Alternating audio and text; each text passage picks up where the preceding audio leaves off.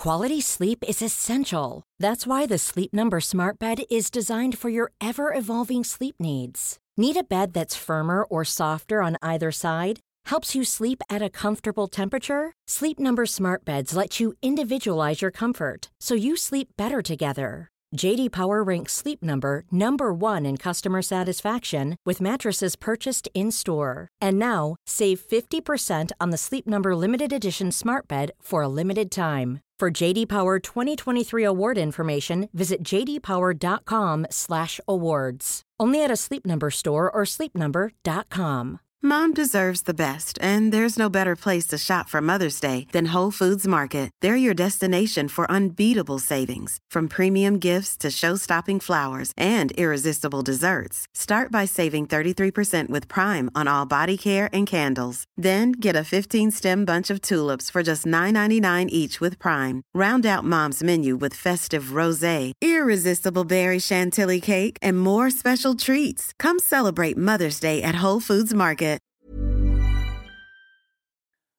Hej hej! Simon Gärdenfors heter jag och jag ska fortfarande ge lite information om vad som händer. Jo men jag och Anton Magnusson, eh, även känd som Mr Cool, har spelat in ett par humorprogram som kommer sändas i P3.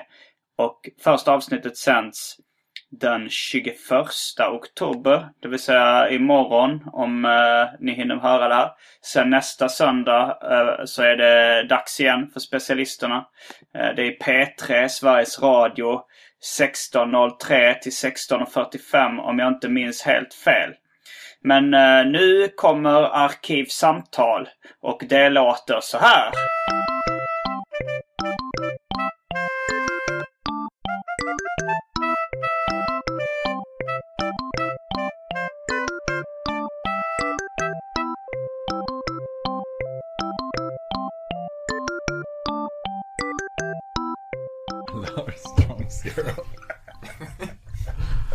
Välkomna till eh, Arkivsamtal avsnitt 15.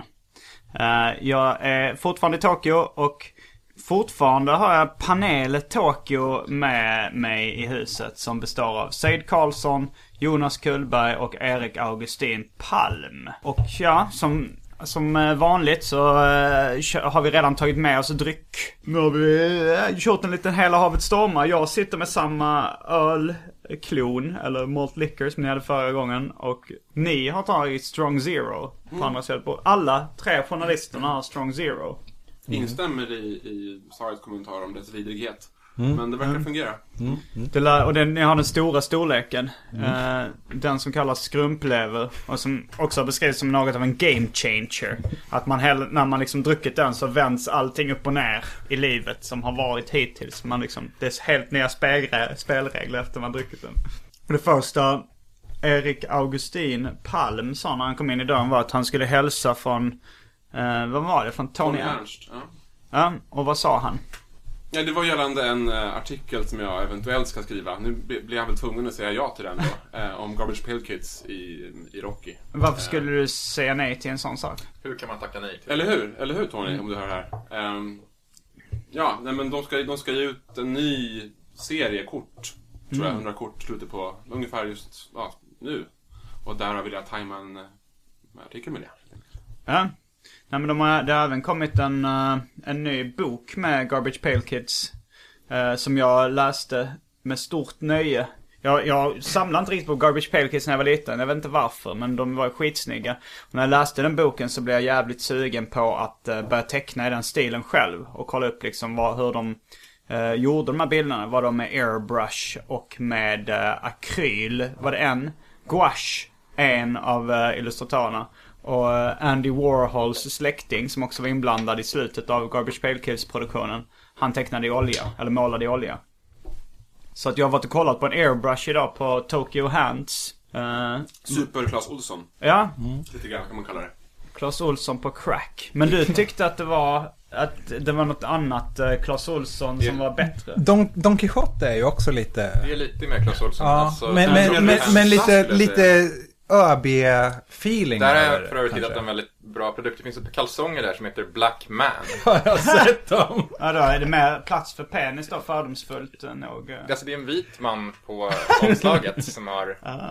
Köpte du dem? kalsongerna på sig. Jag köpte dem inte. faktiskt. Vad in, vad in, har du förstått vad det innebär liksom? Vad, vad, Nej, jag tror att det är så mycket andra liksom engelska produktnamn i Japan att det bara låter bra. Att de inte riktigt kanske bryr sig om vad det betyder. Men Black Man, ja. Mm, fast det jag- blir ju- Står det det på, på kalsonglinningen Ja, då? det är det. liksom? Ja, Då ska jag nog köpa det. Var det, var det på Don Quijote alltså? det är på Don Quijote. Ja. Mm. Ja, jag var i Tokyo Hands idag då eh, och köpte ritmaterial och kollade på airbrushen och jag ska köpa den men jag, jag har inte riktigt känt mig redo ännu. Köpte även en lite nya skämtartiklar. Eh, Skämtcigaretter. Ja, det är snygga förpackningar där. Men eh, Hur de, många, Vadå, hur många skämt? har du samlat på, sig, på dig hittills? Eh, ungefär, ja, det är inte så mycket. Tre skämtartiklar och två godisförpackningar är det enda jag har köpt hittills. Men det, förra gången, de, de två första gångerna jag var här så köpte jag så mycket så att mitt kök är helt överfullt. Men eh, Don Quijote, det var lite sunkigare tycker jag än Tokyo Hands. Mm, Mm, där Hands, är ja. det. Där är det. Är budget, budgetvarianten. Det är Sen finns ju Village Vanguard också. Där Vad vi var Det i, det var där vi var i, i förrgår tror jag. Aha. Eh, I Shimokitazawa, den här stora butiken. Ah, den var ju jävligt schysst. Men det var Ja. inte riktigt en Clas Ohlson. Men där hade de Nej, ju det är lite mer- serier och skämtartiklar Ja. och allt möjligt. Men Deras, de kallar sig själva för en exciting bookstore. var, Aha. Även om bokutbudet är väl bara en bråkdel av liksom Ja, allt de det var som en gigantisk Larry's Corner i Stockholm. En ganska smal referens. Det är en väldigt liten butik Ja, jag Skanstull. Du förstår? Eh, ja, vad har ni gjort sen sist då? Ska vi ta en, eh, en liten runda eh, i omvänd klockaordning? Uh, Side. Eh, jag har inte gjort så mycket spännande faktiskt. Um, det har varit mest, eh, jag har suttit inlåst på, på rummet och jobbat väldigt mycket. Mm, var du inte Eh, och plåta på någon modemässa? Jo, det var jag. Det var jag. Men eh, det var inte så jävla spännande. Så att eh, det är inte värt att Nej. gå in närmare på. Vi kan ju berätta att uh, Side har en eh, blogg som heter... Ja, tokyofaces.com. Är, är det en anspelning på Tokyo Hands? Nej, det är det inte. Sides eh, slogan är Never waste a pretty face. Ja, Aha, det är ja. min, min nya kollega som uppfann den Ja, för kan man några tillägga. veckor sedan. Ja, eh, väldigt bra slogan. Det går till... Och, nej, och du då? Vad har du gjort? Ehm, jag försöker tänka. I måndag så körde vi gemensamt en intervju med Hideki Kaji. Ja, precis. Det är Japansk en... Swindy-stjärna. Exakt, och han är ju lite, han blev lite känd. Det var den här, han var i, han är svenskofil, eller vad man ska säga. Ah. Han har varit i Sverige typ 14 gånger. 14 gånger och han var i Malmö för att spela in en musikvideo i en förort. Eh, och var utklädd till ananas. För att det var en indie-pop-video. Han skulle vara lite, den hette Pineapple. Pineapple Express. Nej, nej det den heter Den heter ingenting, ingenting med pineapple. pineapple. Va? Gjorde den inte? Den Nej, heter Passion Fruits. Passion fruit, vilket Passion gör det ännu mer Ja, det är bisarrt. förvirrande. Ja, hur som helst. Lite japanskt sådär. Ja, så var han utklädd till ananas och blev övergiven av filmteamet på något sätt. Och så, eller de Gick de över iväg till dolda kameran då eller? Nej, de gick iväg och skulle göra någonting. Och då kom det fram ett gäng förortskids till japanen som stod i ananaskostym. Och pratade med honom ett tag och sen eh, slog de ner honom. Och snodde filmutrustningen. Oj. Så vi kan åka till akuten. Och sen fick han medalj av Ja. Malmö stad. Han fick något så här eh, för sitt, sitt stora Sverigeintresse. att För att han varit som en ambassadör för eh, Sverige. För att kompensera för Och sen... framåt. Det är för övrigt min gamla granne som, som filmade den videon. Mm. Kan du fråga honom varför han övergav den här stackars japanen mitt i udden liksom? Ja, det var länge sedan jag bodde där så jag har ingen kontakt med min gamla granne längre men eh, han kanske lyssnar på det här, vem vet? Ja, man vet inte. Får skicka länken till den. Men så han fick eh, lite viss berömmelse av det här i alla fall. Han blev liksom... Det var liksom en artiklar om det lite världen över tror jag. Att, Han hade varit i London precis efteråt och det varit och då såg han sig själv, man utklädd till ananasrådet Ja. i Malmö. Ja, Men just kombinationen är sådär eh, väldigt spektakulär ju liksom. Det Mm. funkar överallt. Ja. Tilläggas bör ju att han är en väldigt så liksom Han är snart 50 men han ser ut som en blyg liten Väldigt pojke. pojkaktig. Liten och, pop, eh, ja, en liten pojke. blyg japansk poppojke utklädd till ananas. Att liksom någon har mage att, Ja, att råna det är någon. lite Det är höjden av ondska ja, det. Mm. ja, det är verkligen höjden av ondska. Men det här var att, att vara utklädd till frukter i, i video. Så jag, jag tänker att det är en vanlig grej men det kanske det inte är. Jag vet inte, har du några andra exempel? Nej, jag tänker väl bara på det han som är utklädd till hund i den här... eh, Hund är ingen frukt. Ja, och någon som bar runt på ett jättestort hjärta. Det var, det var nästan lite så här reklamtrendigt på, på 90-tal, 90-talet, tidigt eh, 2000-tal med att man skulle klä ut sig till stora grejer. Alltså tänk Iprenmannen och vara mm. utklädd till cigaretter och olika. Det var... Men den här hunden, vad heter den videon? Daft Punk. Det var det jag tänkte på. En Jaha, hund är ju verkligen ingen frukt. Det har ni riktigt rätt. Det är väldigt viktigt att tänka på.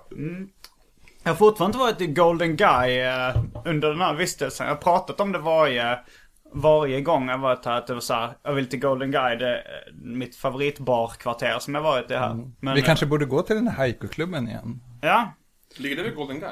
Ja, det var Ja, det var Golden det var ja. Ah, Eller, nej, Kabukicho i och för sig. Ja. Jag vet inte om det var... Nej, inte riktigt Golden Guy. Det är sant. In the Hoods i och för Ja. sig. Och nu, börjar det regna lite mer här. Jag har hört att det regnar rätt mycket ute. Men är det, det är imorgon den planerade orkanen Ja, just kommer. det. Just Eller en tyfonen kanske det är. tyfon, ja. Vi upplevde den i Osaka härom. Ja, just det. Så det här kanske blir det sista ni hör, hör från oss. Detta är så här en mayday-utsändning. Imorgon kommer en orkan. Vi är lite som den här orkestern på Titanic som spelar liksom när skeppet fortsätter spela. Det var, mycket, det var mycket ståhej kring den förra och det var ju knappt... Det var ju mer ståhej om den i, i Sverige än vad det var min, här. min eh, kära mor var väldigt orolig Ja. för mig. Eh, och det var mest som ett såhär argt regn. Ja. Här i Tokyo var det typ inte ens det. Ja. Men eh, ska ni, ska ni hålla er inne eller hur blir det? Um, imorgon, vad har vi planerat imorgon? Vi ska, just det, ja, vi ska eventuellt göra en intervju med- som gör med självmord så att det kanske passar Ah. då, eh, om man vill utnyttja tyfonen till det. Ja. Men jag vet inte. Ja, ja, en annan grej jag tänkte ta upp. Jag vet inte om det är samma med er. Men jag blir inte bakis i Japan. Är det samma för er?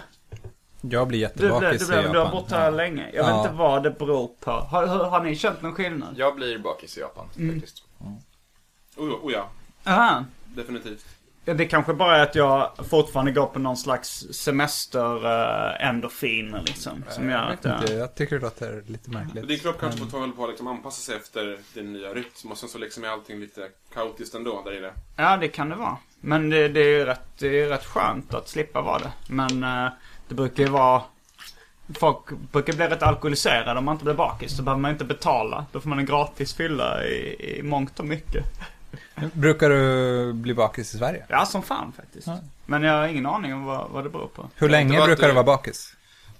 F- fram, om, om jag dricker en normal fylla liksom så 18.00 nästa dag så brukar det vara över. Okej. Men alltså, jag, men det är ju inte, det är inte akut liksom. Det är Nej, inte så att jag nej. kan ju ofta jobba lite och så här, men... Kan det inte vara för att du bor med Frej nu? Att du har anpassat dig till hans liksom bakiscykler? Att det Ja, liksom han- har synkroniserat på något sätt? Så kan det vara. Han säger att han inte blir bakis. Det kanske är som när, när tjejer bor tillsammans och de synkar sin menstruation efter ett tag. Att så här, eh, feromoner gör det. Så, det, det, är nästan, det, är, det är en bra teori faktiskt.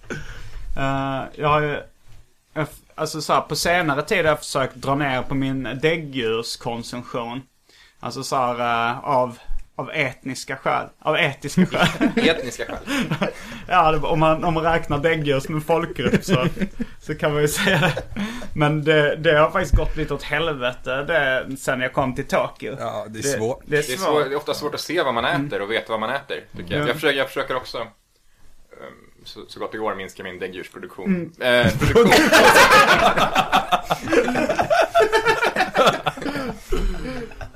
Ja, är Du ju- kan inte sluta producera däggdjur. Ja men människan är ju däggdjur så att, eh, så konstigt hade det inte varit ifall du, ifall du bruk, vanligtvis brukar få väldigt mycket barn. Men, jag kan inte sluta liksom. Jag vet inte vad det är. men det går dåligt här här i Japan att sluta få barn. Nej men vad sa du? Det, det går dåligt Jo, för nej, men det är ofta svårt att se vad man äter när man köper de här små förpackningarna med risknyten. Med, Ja. Risbollarna, har de ett namn? Alltså ristrekanterna? Onigiri. Onigiri. Mm, Onigiri. Jag har kallat dem för uh, risboll trekant. Lite svampbob fyrkant Ah, inspirerat namn. Uh, men, uh, men det är ett genialt koncept verkligen. Ja. Uh, vill Jag du beskriva det. vad det är för någonting? Ja, det är en, ris, en trekantig risboll inlindad i eh, sjögräspapper. eh, Med diverse fyllning. Det kan Ja. vara Mitt allt från Frågan är, skulle man kunna till- bli jätterik på att börja sälja dem i i Sverige? Jag tror på det som snabbmatskoncept Pressbyrån, liksom. i, i Sverige. Mm. Definitivt, det tror jag. Hur Det- det, jag. det, det finns ju ganska mycket man tänker här så här, Varför finns inte det i Sverige? Den som tar he, Varför tar är det bara sushi liksom? Ja, men även, äh, även till, till exempel Anpanman. Mm. Som är så här omåttligt populär här. Eh, nu kanske jag eh, gör en liten Ja, giveaway. Japans Bamse typ. Ja.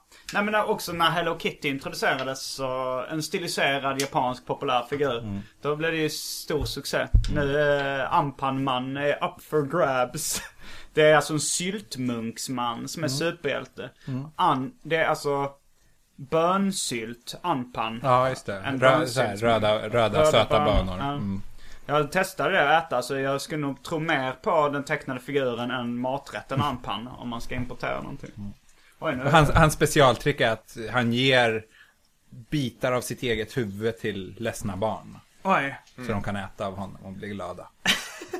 Det kanske är därför det inte har tagits i Sverige. De vill inte att barn ska äta av äldre mäns ansikten i parken.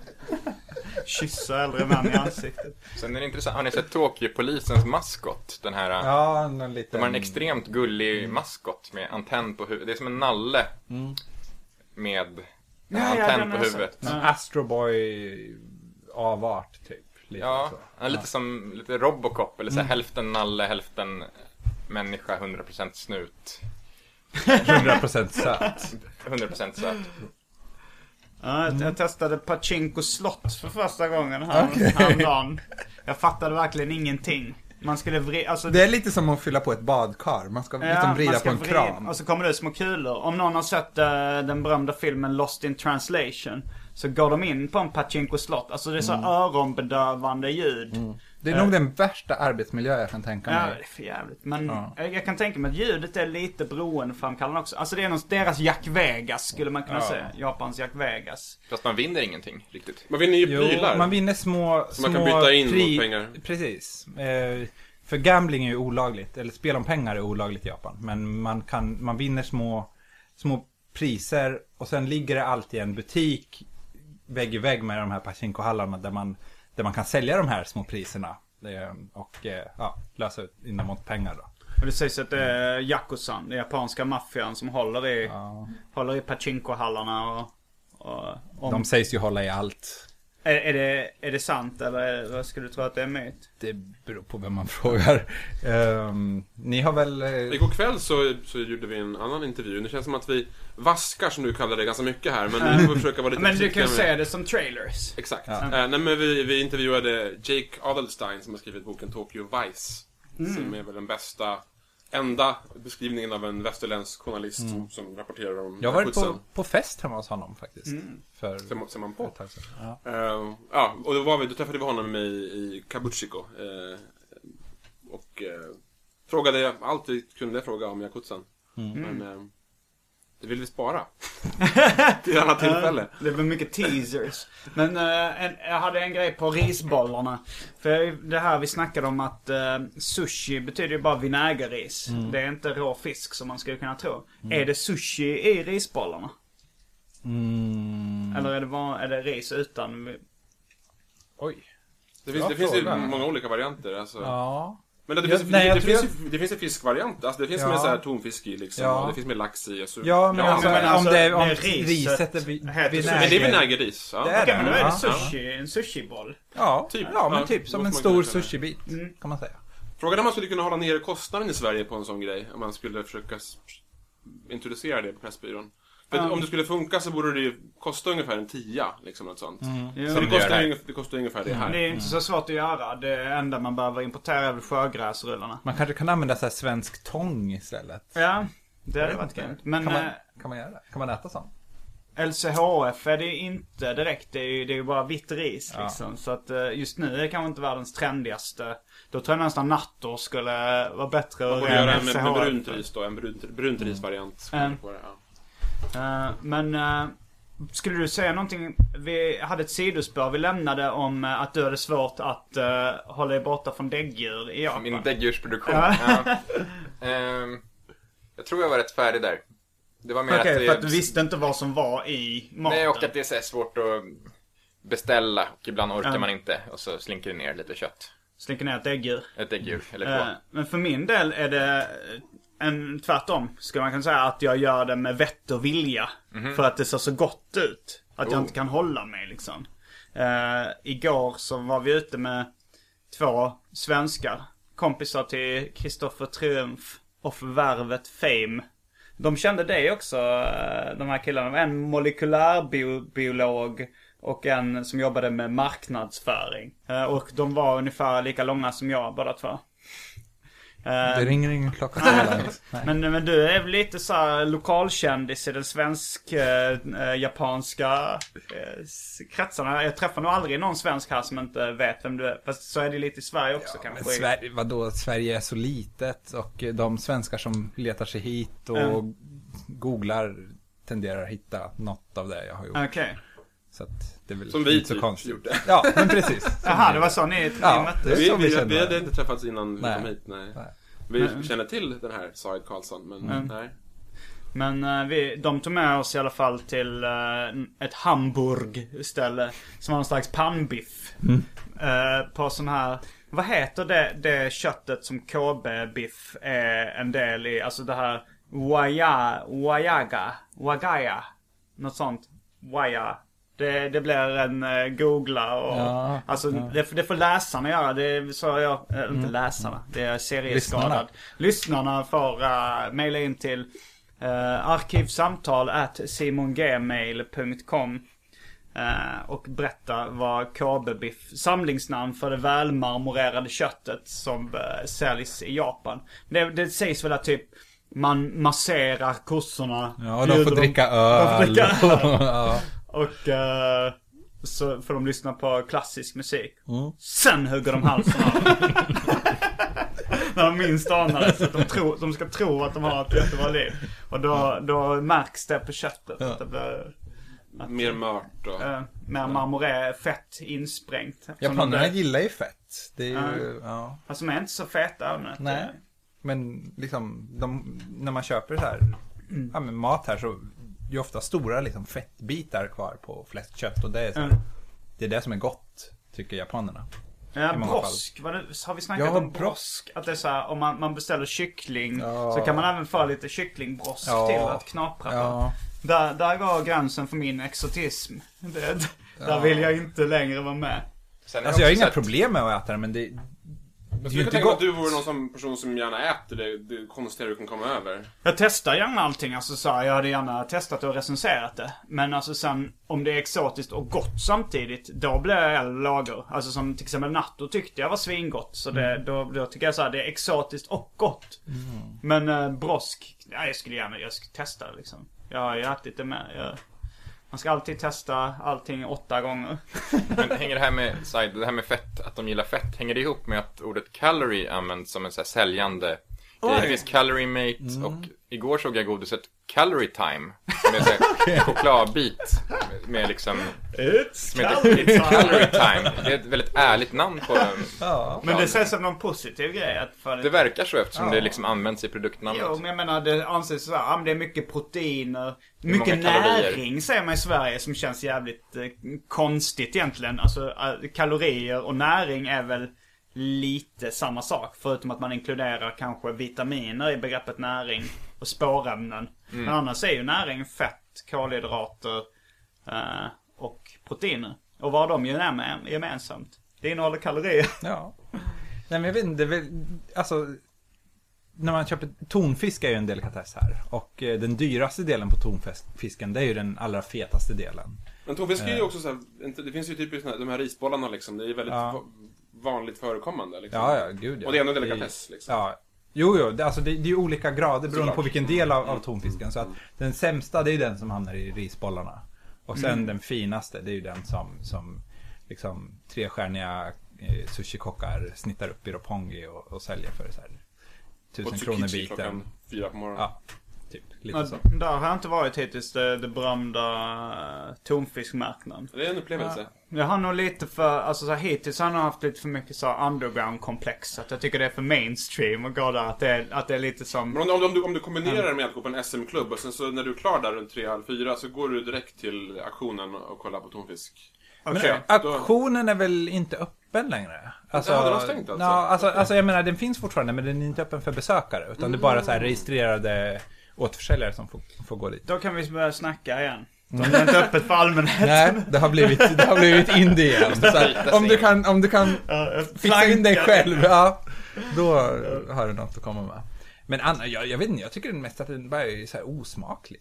Eller alltså, jag, jag Att det- ja. Att det är Jag, massmål. jag, jag tyckte det var fascinerande. Det var ju liksom en karta över Alltså, alla jag- tänkbara fiskar som man kan... Ja, men jag, jag mådde lite illa när jag var där. Jag tycker att det är en så här, Det blir, för- det blir för när. Du ser att är så här, fiskarna ja men är exakt. djur. Ex Nej, men mängden. Den, alltså att det är så extremt jävla mycket fisk och många så här tonfisk och, och liksom andra fiskar som kanske inte är riktigt helt okej att äta. Säljs där helt ogenerat i liksom enorma kvantiteter. Det, Men jag tycker det är mycket, så här, det är mycket proffsighet också. Folk skär i fiskkött på så här snygga sätt liksom. Och det är så här, mycket så här hantverk. jo men det är det ju, absolut. Liksom. absolut.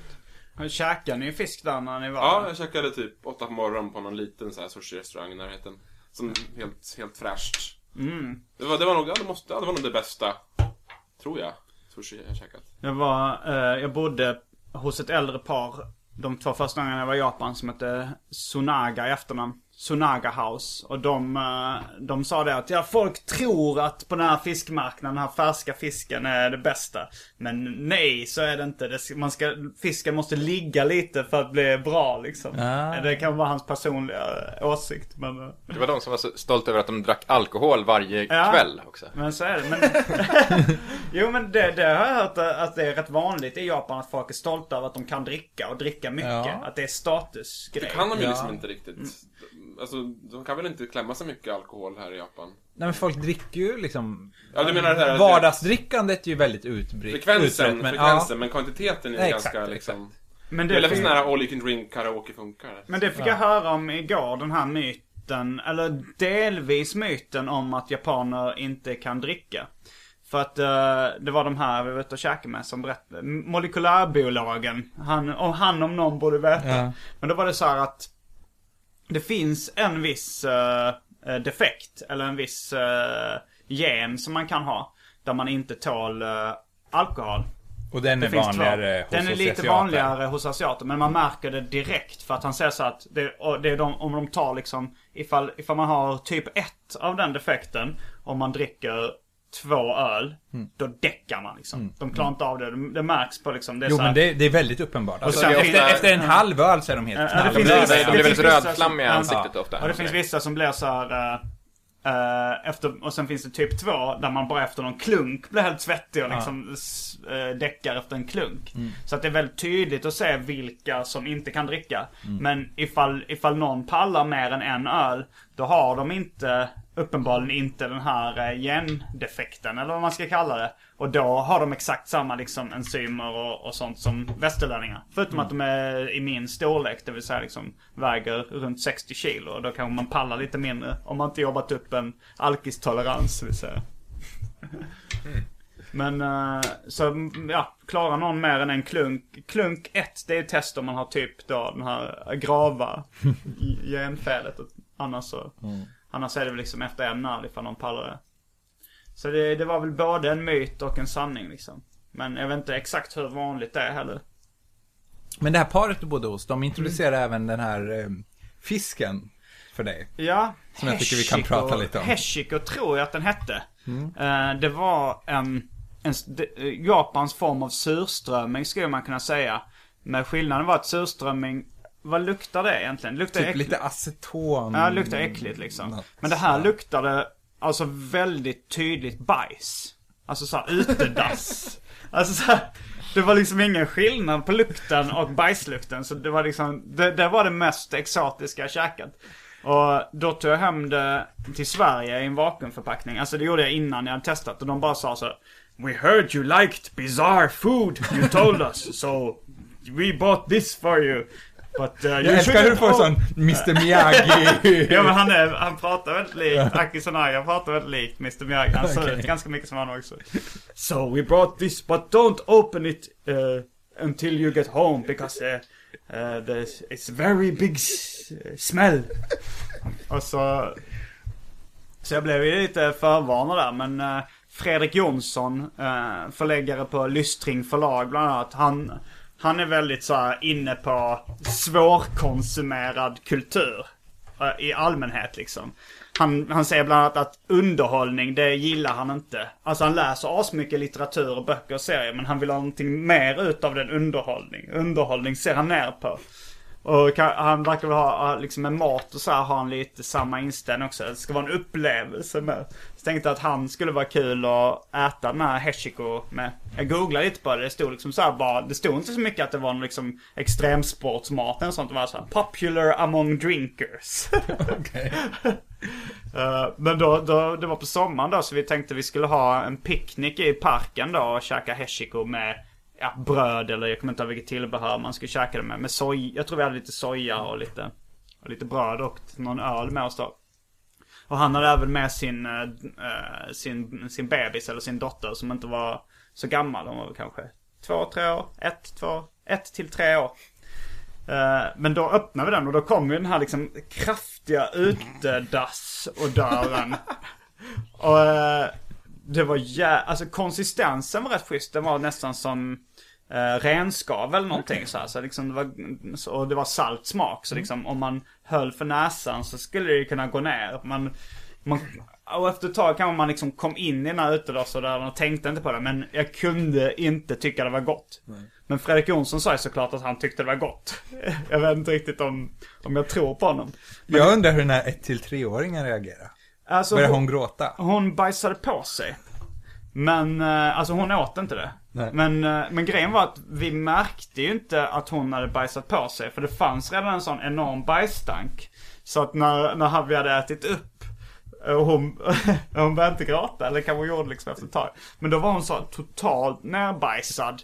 Så att liksom han började så torka henne och så här. Det, det hade till och med kommit bajs i örat på henne och han var tvungen att slänga hennes tröja för den var så nerbajsad. Och han hade inte, och liksom, hon hade suttit där och bajsat hela tiden. Men vi hade inget, inte märkt någonting för att det var så mycket bajsluft eh, i lukt. Och liksom då var vi ändå utomhus. Jag vågar inte tänka på hur det skulle vara att göra det inomhus. Jag käkade hardfiskur från Island. Det det är deras torkade fisk som har kra- ganska kraftig doft. Ja, den har jag hört. haj, Ja. Man gräver ner den. För- För det har jag kört också. Det är inte samma sak. Jag tror okej. hardfisk är bara torkad fisk eh, som man äter med rumstempererat smör. Så doppar man då den, eh, den torkade fisken i, i liksom ganska mjukt smör och äter. Det var faktiskt jävligt gott men det var ändå liksom, det, det åt jag inomhus men det blev en, en rätt hård fiskstank i rummet.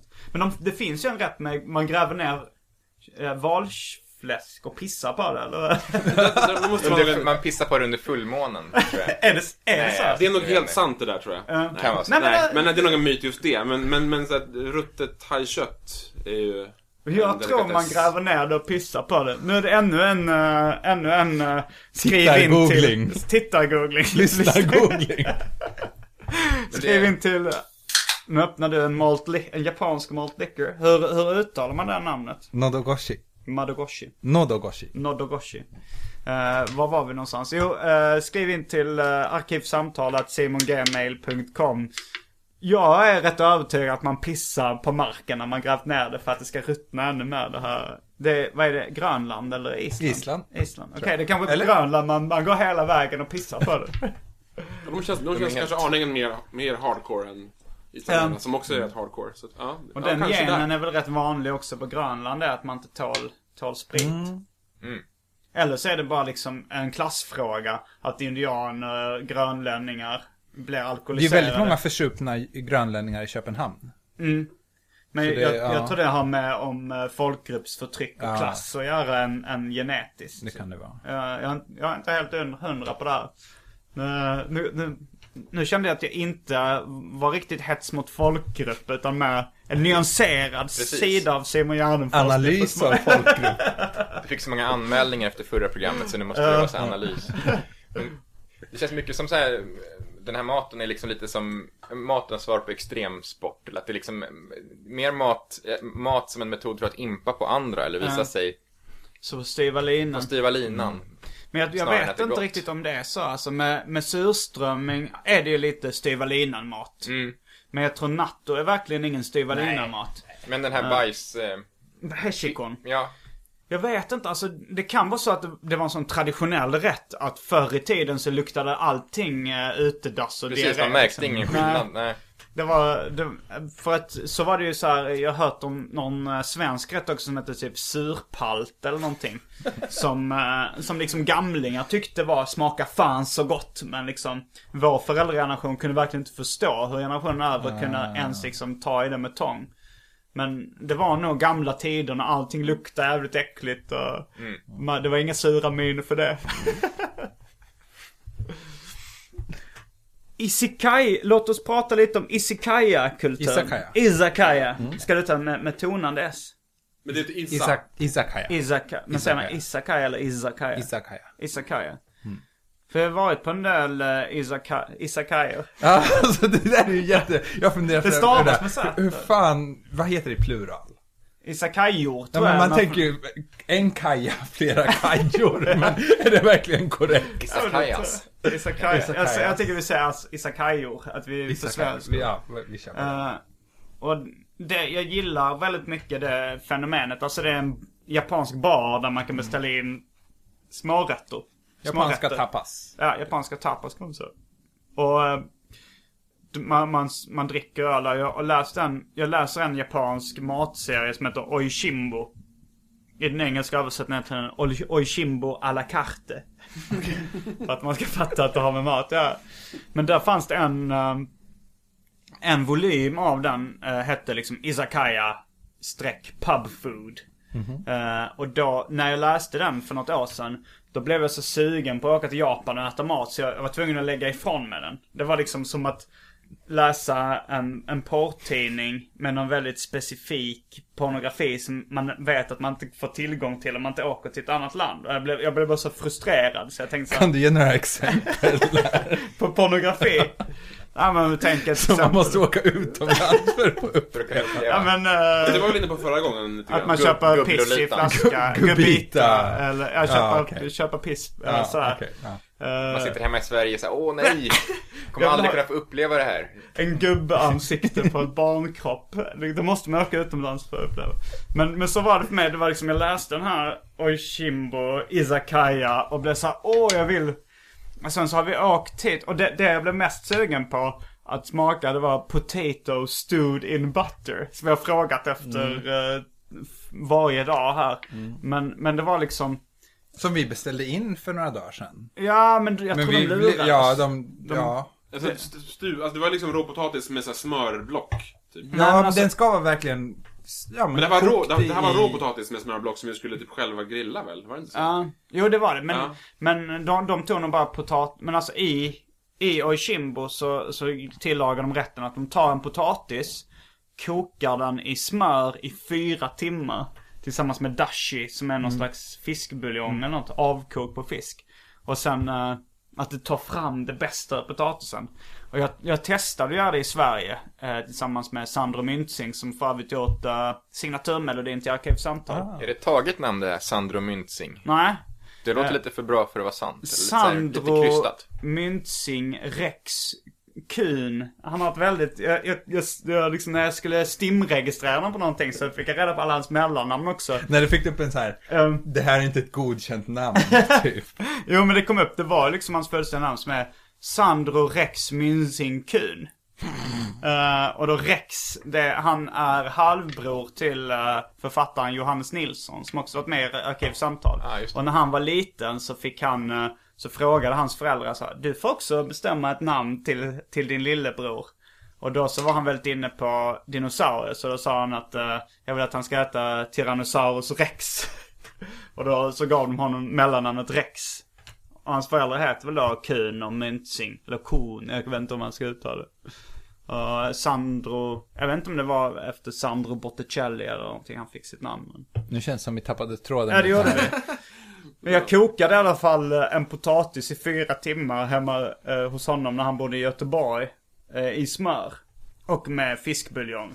Och det blev faktiskt ganska gott. Men det var ju så här, det, det blev också bara som en liten, eh, om jag nu ska ta porrreferens igen, som, att, som en real doll. Om man tänker på att det finns en riktig sån här potato stewed in butter. Vad var det för konsistens på den potatisen efter fyra timmar? Eh, den var inte lika sönderkokt som man skulle kunna tro. Utan den blev lite mer eh, lerdegig liksom. Men du kokade en hel? Så, i, mm. Vi testade även två olika sorters potatisar. eh, Kanske en mjölig och en bintje. Jag vet inte om det var en bintje, jag ville bara säga ordet. Men eh, vi kokade dem och det, det, var, det var gott. Men, men enligt Oishimbo så måste man beställa den här rätten en dag innan. För att fyra timmar är rätt lång tid att vänta på en rätt.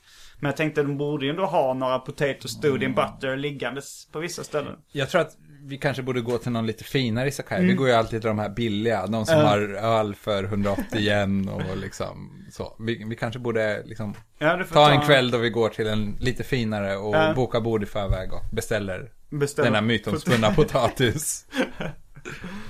Har ni, har ni eh, besökt många izakayor? Mm, det har blivit ett, Ett par stycken. ett Mm. gäng under åren. Vad Det är, är ofta lite, man förväxlar det med att man ska ut och äta middag. Så blir det ofta lite, det är lite mindre mat än på en Det är ju middag. liksom inte en lite mer- restaurang, det är mer Nej, en bar med tilltugg. Det är en bar med extremt bra snacks, kan man Ja. säga. Det är väl liksom Snarare konceptet, va? Eller? än att man äter middag. jo. Fast vadå, man går ju ändå dit för att äta sig mätt. Fast Eller, det blir man men inte. Alltså, drycken är väl liksom, hierarkin på en izakaya är väl det, det primära. Och sen så liksom det här andra Ja. liksom. Jo, jo. Man går ju inte dit om man inte ska För dricka. jag tycker alltid, jag tycker alltid jag äter ganska mycket olika Mm. saker. Det är mycket ätande men ganska lite mättnad alltid efter ett izakaya-besök. Och du är alltid full när du går därifrån. Inte alltid, Men ofta. ofta. Det blir lätt så. Har ni varit på Broadway Nakano varuhuset än, ännu? Nej? Det är nog mitt favoritställe i Tokyo. I alla fall ett av många. Det är alltså, det kallas för Otaku City. Alltså nörd city. Eh, för att det är så här. Det är mycket mer nördigt. Alltså Akihabara. Ska du ta så? Akihabara. Mm. Akihabara. Det, det är liksom teknik. Electric Town står det att det är liksom. Det är mycket elektronik men det är även teknaliserade plastgubbar. Men det är, ändå, det är ändå lite mer liksom. Det är lite turistigt Lite och lite turistigt. kommersiellt liksom så. Men Nakano, va- Broadway-varuhuset i Nakano, där, där går det så djupt nördigt som det kan bli.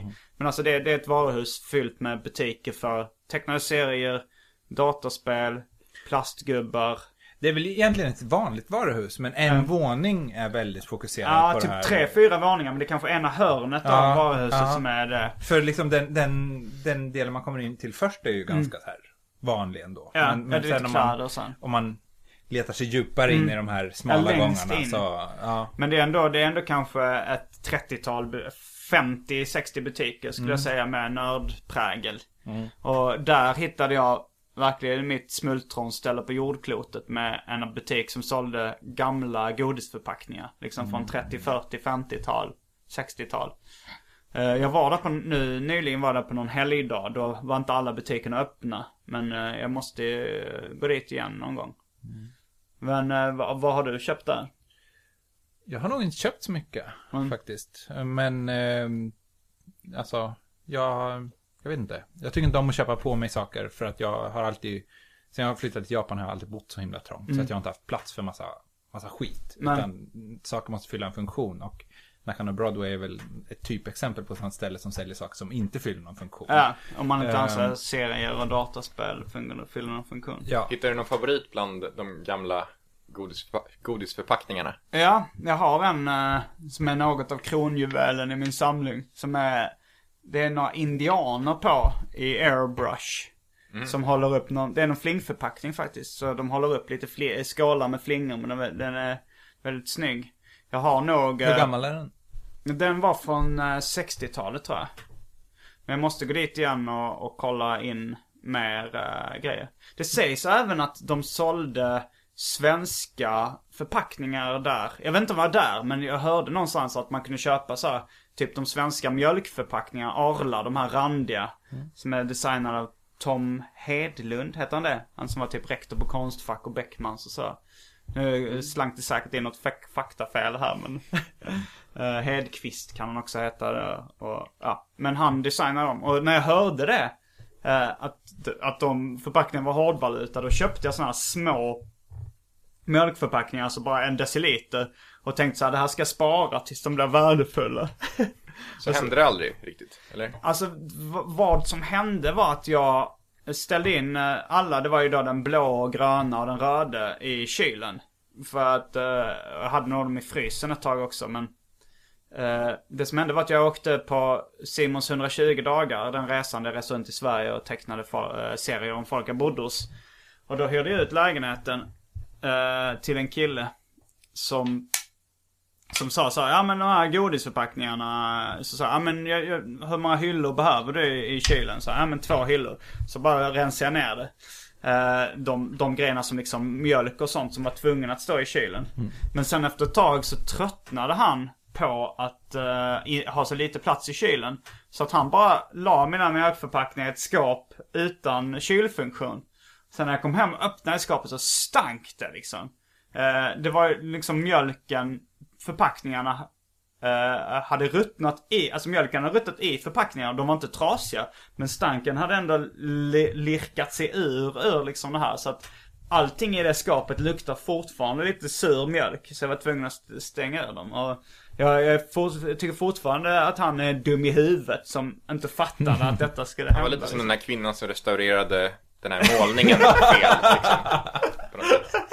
Alltså den är ju fantastisk också i och för sig. Precis. Jo, det Fast det, här blev- det här blev inte riktigt lika bra slutresultat kanske. Nej, på jag, samma slängde, sätt. jag var tvungen att Du, slänga du dem. kan inte börja kräva pengar för att folk ska komma och få lu- lukta i ditt skafferi.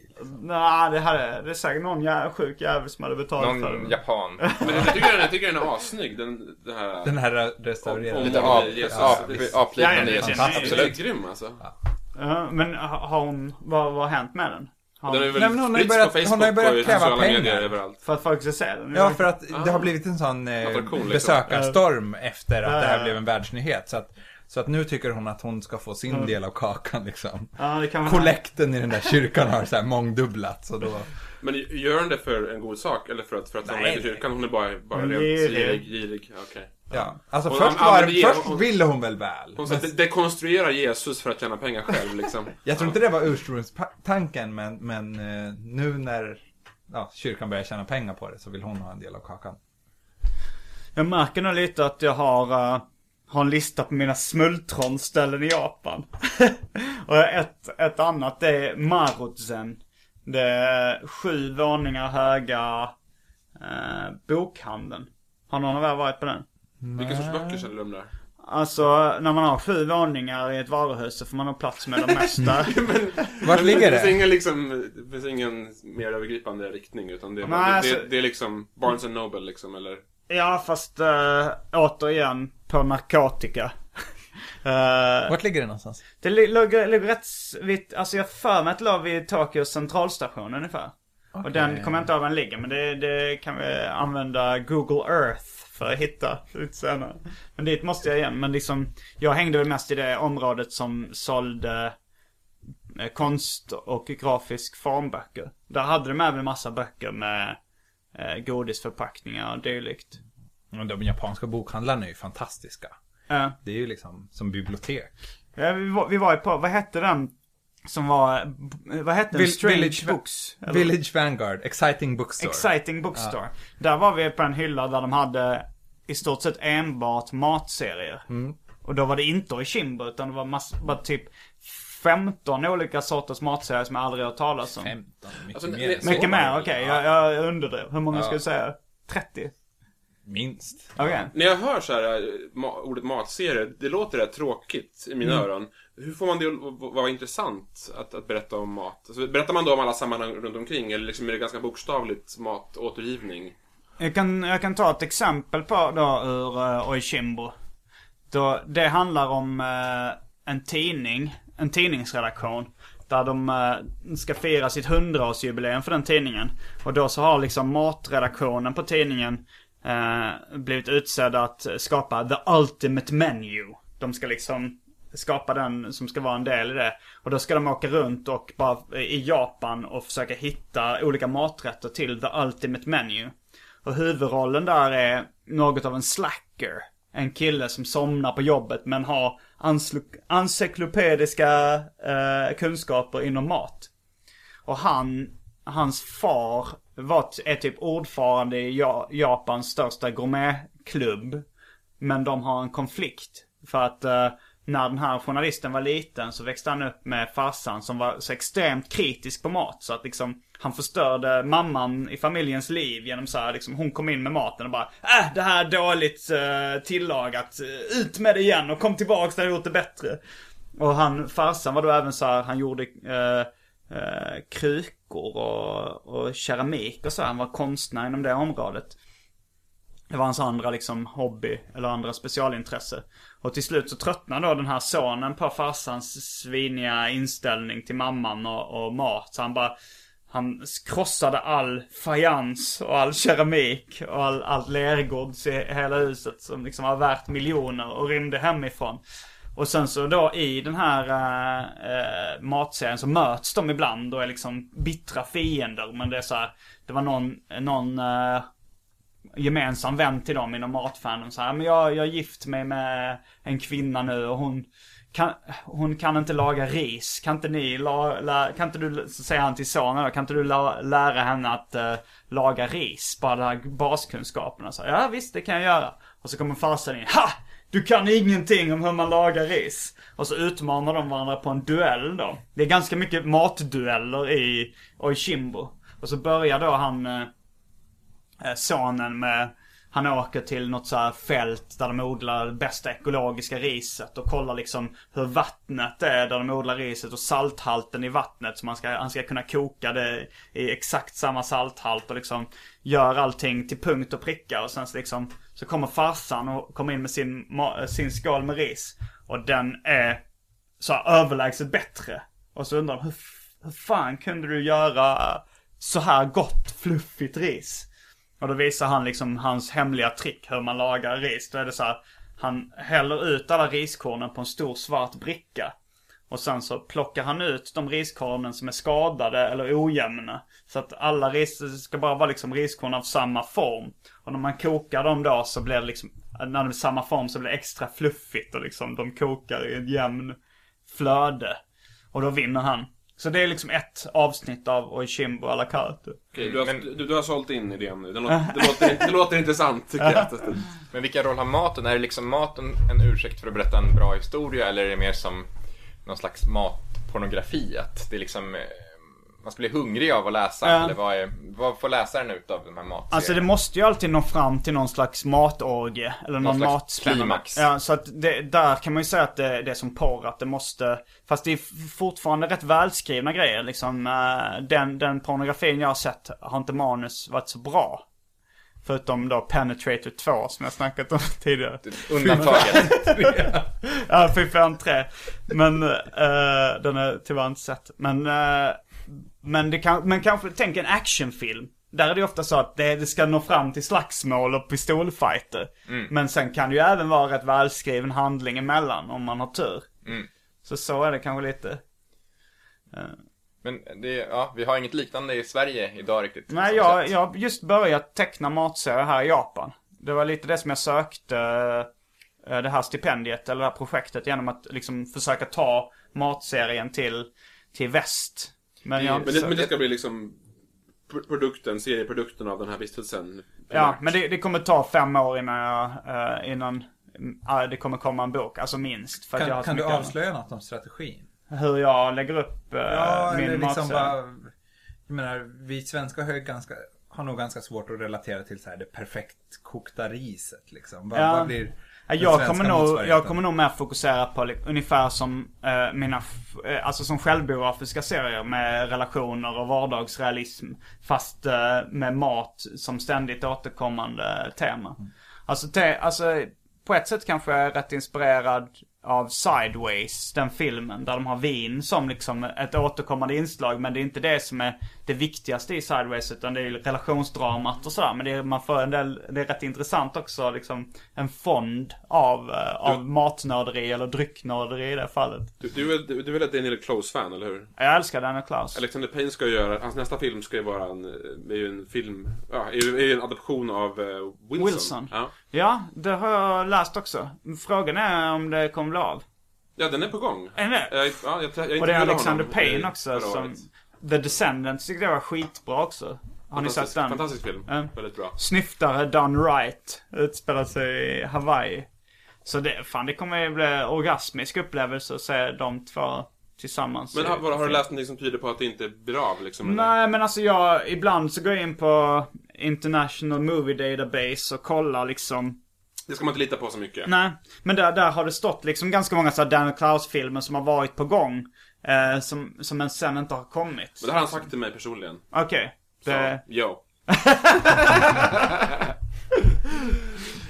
Men uh, vad, vad har han gjort? About Schmidt har han Mm. gjort också, Alexander Payne. Den, den var helt okej. Jag gillar nog Sideways och, eh, och The Descendants bättre faktiskt. Men eh, han har nog tagits upp i eh, min topp tre av filmregissörer. Det är Noah Baumbach och uh, Todd Solondz. De tre. Jag tror Tollons är fantastisk. Har du sett hans senaste? Eh, Dark Horse, nej Black Horse, eller vad heter den? Nej, den har jag missat. Hans, den senaste jag såg var Life During Wartime Nej, som den- gjorde mig djupt för besviken. den senaste, han, har han tydligen, jag har inte sett den senaste, men där har han tydligen frångått hans, hans det här supersvart sinnet som han haft tidigare. Det, är lite- det är fortfarande svart humor, men så här Han har släppt in light, en färgen. light-variant av, av det hela liksom. Aha, det, jag vet inte om, eh, om det är lovande. Alltså i och för sig så... Trailern såg, jag inte, blev inte sugen, jag blev lite besviken på trailern. Men, men jag har inte sett filmen så att, kan inte uttala mig mer. Den bästa, den bästa japanska filmen jag sett uh, heter uh, Tampopo. Ja, men den är, jag har sett delar av den. Det, det är ju lite av en mat, det är Det är en matfilm. Ja. matorgie. Mm, det är det verkligen. När, Det när, är, när, när, när är den ifrån? Vilket år? 80-talet någon gång. Är det? Jag tror det. ja, men eh, den handlar om en, en kvinna som ska starta en nudelrestaurang. Och så, sen spionerar hon på andra nudelrestauranger och försöker eh, hitta liksom de perfekta. Och sen hittar hon en läromästare. Som liksom hjälper henne att göra det, det perfekta nudelsoppan. Och sen är det någon parallellhandling med någon Yakuza-snubbe som har matsex med sin flickvän. Har, har du Just det, på en strand. Jag har, sett, alltså, jag har inte sett hela. Ja, hon har ett äggula i munnen. Det, det, Matsex alltså, jag vet inte. Är ni fans av det? Sa Ja, jag har aldrig skeptisk. testat Jag faktiskt. Har du någonsin prövat det? Mm, nej, jag tror inte det. Nej, jag, jag brukar inte, alltså jag... Enda tillfället när jag inte försöker vara rolig, det är i sexuella sammanhang. Men innan försöker du väl det så det ska leda till det? Jo, jo, jo, det är klart. Det, man, det, är väl, det är väl mitt sätt att få ligga med min flickvän. Men, uh, nej jag kan, inte, jag kan inte komma på så många tillfällen när jag har haft uh, eh, matsex. Jag kommer ihåg en gång det var uh, min ex-flickvän, hon tyckte inte om när jag käkade kaviar. För hon tyckte det luktade så äckligt liksom i munnen. Så, här, men jag kan, jag kan borsta tänderna efter. Äh, men hon sa det sitter kvar. Och sen till slut så sa hon att, eller hotade med att hon skulle trycka upp en tub kaviar i fittan och tvinga mig att slicka ut allting. Så att jag skulle förstå hur äckligt det var. Men Det, det är det närmaste. liksom, Ja, det är, varit. det, det förslaget, det hotet är det, är det närmaste Men matsex det re- realiserades aldrig. Nej, nu, nu i efterhand så kan jag ångra att jag inte, att jag inte gjorde det. Det låter ju som samtidigt en ganska rolig grej. Det hade ju varit en rolig historia att berätta nu om jag verkligen hade gjort det. Det var allt från... Ja, jag tänkte som i, i eh, Las Vegas här. End on a high note. När man får till ett skämt som folk skrattar åt eller liksom bästa. You all been lovely, thank you. Och så går man En ut. liten trumvirvel. Ja.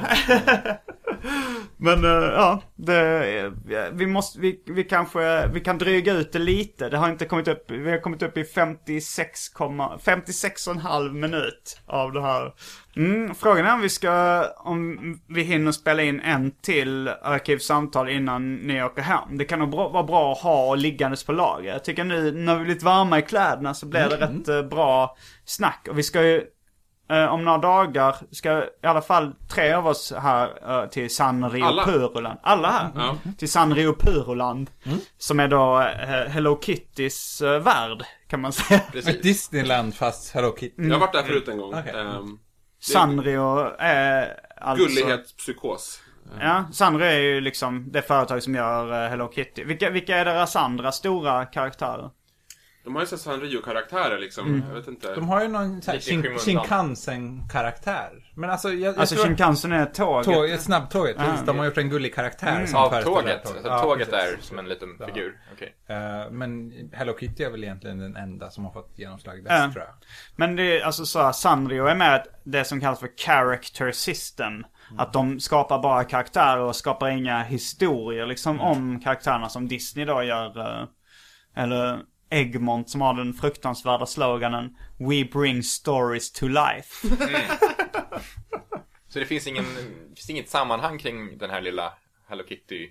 Lite Nej. lätt, ser lite lätt korkad ut. Ja, det ska nog... Jag tror det finns... Jag har sett Alltså jag skrev det reportage. filmer. Jag skrev så här hela, hela historien om det här, men nu kommer inte jag ihåg exakt vad jag skrev. Var det men du som skrev det någonstans- Miffy också? Eller biffen mellan Miffy och Hello Kitty? Just det, jag trodde det var, det är inte, de är inte del av samma imperium. Nej, nej, alltså Miffy kom före och det är en holländsk man med det otroligt skojiga namnet Dick Bruna. Som har tecknat, eh, som har tecknat Miffy. Det är bruna liksom, i, i, som på svenska. Ja, B-R-U-N-A. Det är säkert B-R-U-N-A. Han gör barnböcker. Eh, men han gjorde ju då, alltså så han tycker, alltså, de flesta anser att Hello Kitty är ett plagiat av då eh, Miffy. Den Ja, det är kaninen. tvärtom alltså. Så, Ja, ja, okej. eh, Dick Bruna var före uh, Sanrio. Eh, det kan ju också vara en så kallad sibirisk cykel. Nu måste jag eh, berätta om det uttrycket. Det är ett uttryck när... Det, myten är då att en man i Sibirien uppfann cykeln och trodde att det var hans egen uppfinning. Och uh, åkte till patentverket i Moskva. Och då såg han folk cykla runt på hans uppfinning. Och liksom så, det, uttrycket ska då vara att när man uppfunnit någonting ovetandes om att det redan är uppfunnet så är det en sibirisk cykel. Så det kan ju vara så att, eh, att Hello Kitty är en sibirisk cykel. Men Dick Bruna i den här intervjun, jag tror det var svenskan eller DN, det var ett långt reportage. Han kändes väldigt bitter liksom. Han hade väl inte tjänat lika mycket pengar som Sanrio. Och han, han, de frågade vad han tyckte om Hello Kitty. Och då, hans uttal var att rosa, det är ingen riktig färg. Jag vet inte vad han menar med det, att rosa bara är ljusrött. Men liksom i Miffy-böckerna så finns det ingen rosa. Då är det typ orange, mörkblå och grön. Och det gör de liksom till bättre konst. än Hello Kitty, kanske. Ja, enligt, konst. enligt Dick Vad är konst? Ja, och med de orden så vill jag... Jag vill bara att du ska sluta med någonting så du kan irritera dig på också. Med de orden säger vi tack och hej för Arkivsamtal den här veckan. Jag heter Simon Gärdenfors. Said Karlsson. Jonas Kullberg. Erik Augustin Palm. Fullbordat samtal.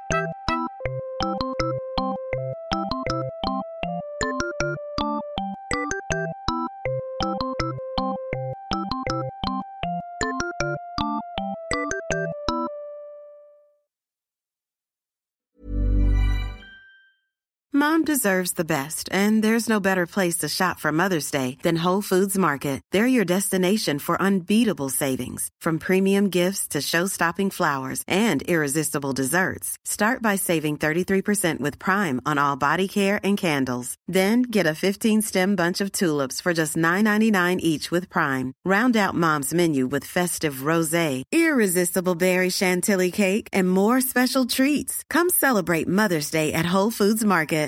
Mom deserves the best, and there's no better place to shop for Mother's Day than Whole Foods Market. They're your destination for unbeatable savings, from premium gifts to show-stopping flowers and irresistible desserts. Start by saving 33% with Prime on all body care and candles. Then get a 15-stem bunch of tulips for just $9.99 each with Prime. Round out Mom's menu with festive rosé, irresistible berry chantilly cake, and more special treats. Come celebrate Mother's Day at Whole Foods Market.